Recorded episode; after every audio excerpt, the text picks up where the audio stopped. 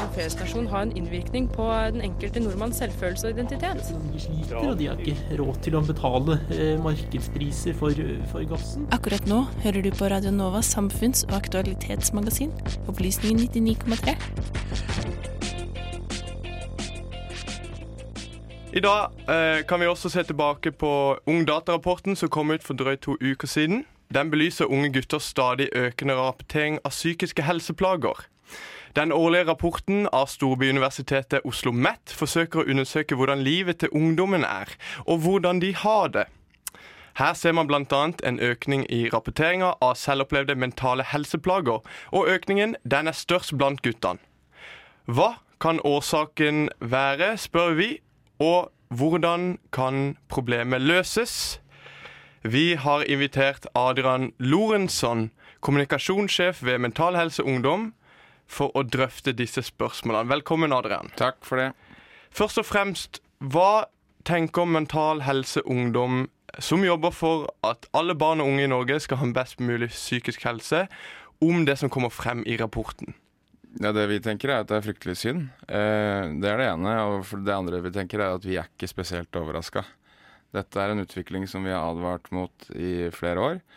Eh, og det er jo en grunn til at Mental Ungdom i sin tid ble stifta. Og det er jo at eh, vi var en gjeng som opplevde at eh, stadig flere rundt oss eh, sleit, og at vi sleit med ting sjøl. Sånn at eh, det er en økning som har vært, og vi har sett det år etter år. For så er det nesten hvert eneste år de siste fem åra så har jeg blitt intervjua om eh, årets eksplosive økning i antall jenter som får antidepressiva. Og hvert eneste år er det en eksplosiv økning fra året før. Eh, og vi ser jo det også, og det har jo vært særlig snakka om jentene. Eh, og det vi ser jo på en måte i statistikken at det fortsatt er altså, må være klar over det, at det, I den NOVA-undersøkelsen så snakker man om 30% jenter og 11% gutter. Det gjør vi, og det kommer vi til. Men først kan du, kan du eh, drøfte litt om hvorfor du tror man ser en så eh, Hvorfor man ser en størst økning blant guttene akkurat nå? Hvorfor tror du vi ser en økning? Hva skyldes det? Jeg, altså jeg tror nok at uh, mørketallene for gutter frykter at de er større enn for jenter. Mm -hmm. Jeg tror at gutta i, i, større grad underrapporterer egne ting. Og jeg tror det handler noe om at uh, gutta har et litt sånn fattigere vokabular når det kommer til å sette ord på sine egne følelser. Så Sånn sett så er dere glad for å se at tallene faktisk viser seg? Ja, man, altså, det er ikke alltid man skal være lei seg over tall. fordi når tall går opp, så, så får man også eh, mulighet til å gjøre noen ting med dem. Og når tall går opp, så får man også noe å slå i bordet med. Og så kan, så kan man si her, dette er vi nødt til å sette fokus på. Og det samme sa vi jo eh, i tidligere år, da Folkehelseinstituttet eh, kom med informasjon om at eh, var 40% økning i jenter som hadde fått en psykisk diagnose. Mm. Og det vi etterlyste der, var hvor er gutta hen? Fordi ja. det å få en diagnose handler om at du faktisk aktivt har oppsøkt hjelp. Og Du sier at man ikke har fokusert så mye på guttene. Er du enig med de som mener at eh, guttene i større grad blir oversett i disse sammenhengene, hvor vi snakker om press, stress og psykiske helseplager? Ja, så Jeg prøver alltid å være forsiktig med å generalisere, men det er jo klart at uh, kroppspress har i veldig stor grad, grad vært et tema som har handla om jenter. Okay. Eh, men, eh, og det har vært veldig få gutter som på en måte aktivt har gått ut og sagt fra om at de eh, opplever det. Nå er det jo stadig flere som gjør det, og det er kjempebra at folk setter ord på det. da. Men du ser jo eh, det, måte, det har vært en tiltagende trend i på en måte, skjønnhetsindustrien de siste ti åra, hvor man har produkter og ting som er i i stadig større grad retta mot gutta. Så jeg tror nok eh, gutta kjenner i større grad på det presset som jenter har kjent på. Over mange år kjenner nok gutta på i større grad i dag, så det er nok også en del av det. Og som Oslo Mette også er inne på, så er kroppspress en viktig del av dette. Mm. Hva, eh, hva, tenker du om dette gapet vi ser fra og med 10. klasse? Så viser jo rapporten at eh, i overkant av hver fjerde jente har høy grad av depressive symptomer, mens guttene med um, stor grad av depressive symptomer er kun én av ti. Ikke sant? Disse 11% vi snakker om. Hva tror du forskjellen skyldes med dette blant, eh, blant uh, kvinner og menn? Gutter og jenter. Enten så kan du si at uh, det er færre gutter som sliter, punktum, og mm. være fornøyd med det. Tror du det? Uh, nei. Eh, ikke i det hele tatt. Jeg har snakka med flere fagfolk som har begynt å ta til orde for at man burde endre det som heter inklusjonskriteriene for depresjon. Hva betyr det? Det betyr eh, endre hvordan du diagnostiserer det. Okay. Altså at du har flere At du inkluderer flere symptomer.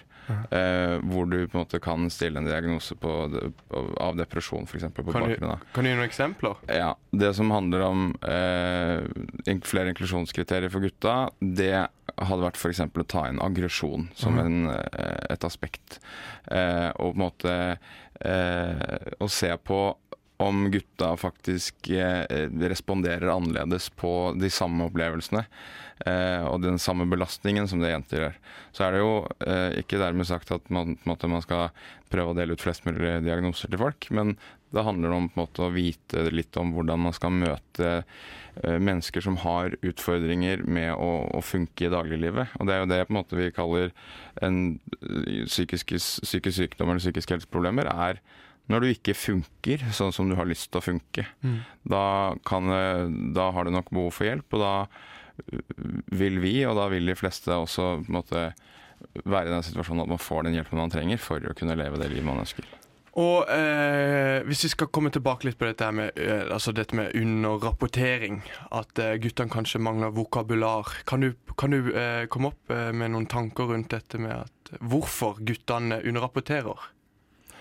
Altså det, som sagt så handler det om, om eh, at vi gutter tror jeg snakker annerledes. Og det, når jeg snakker med fagfolk, eh, en del av dem som, som behandler gutter i stor grad, så sier de at behandlingen av gutter ofte tar lengre tid. De bruker lengre tid på å sette ord på ting.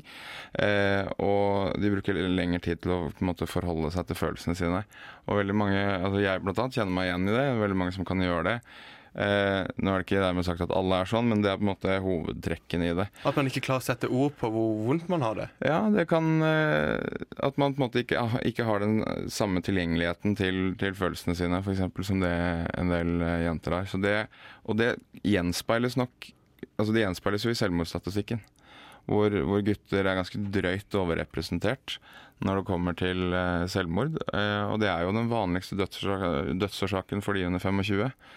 Eh, så på en måte det å få folk til, det å få gutta til å lære seg å snakke om følelser, og bryte gjennom den barrieren og den skammen det er å snakke om, om sine egne problemer, det tror jeg er en av de viktigste utfordringene vi som samfunn står overfor. Vi har eh, lova lytterne våre eh, noen løsninger på disse problemene. Har du noen konkrete forslag til hvordan vi kan bedre den psykiske helsen blant unge? Ja, det har jeg. Kan du komme opp med noen? Ja, det. Eh, vi har jo lenge eh, snakka om og krevd at vi må få psykisk helse inn på timeplanen. Eh, nå har jo eh, regjeringen eh, endelig gått med på det. Første gang vi foreslo det, så eh, blåste kunnskapsministeren av oss. Og det er jo ti år siden eh, første gang det skjedde. Og vi har sagt det til hver eneste regjering siden. Og vi har blitt blåst av ganske mange ganger. Og nå har de endelig innsett alvoret, og så kommer livsmestring på timeplanen. Så det tror jeg kan bli en viktig del av det, og jeg tror det er helt avgjørende for i det hele tatt å, å hjelpe gutter ett skritt på veien i å kunne sette ord på sine egne følelser. Da eh, avslutter vi med det. Tusen takk, Adrian Lorentzon, kommunikasjonssjef ved Mental Helse Ungdom, for at du kom denne fredagen.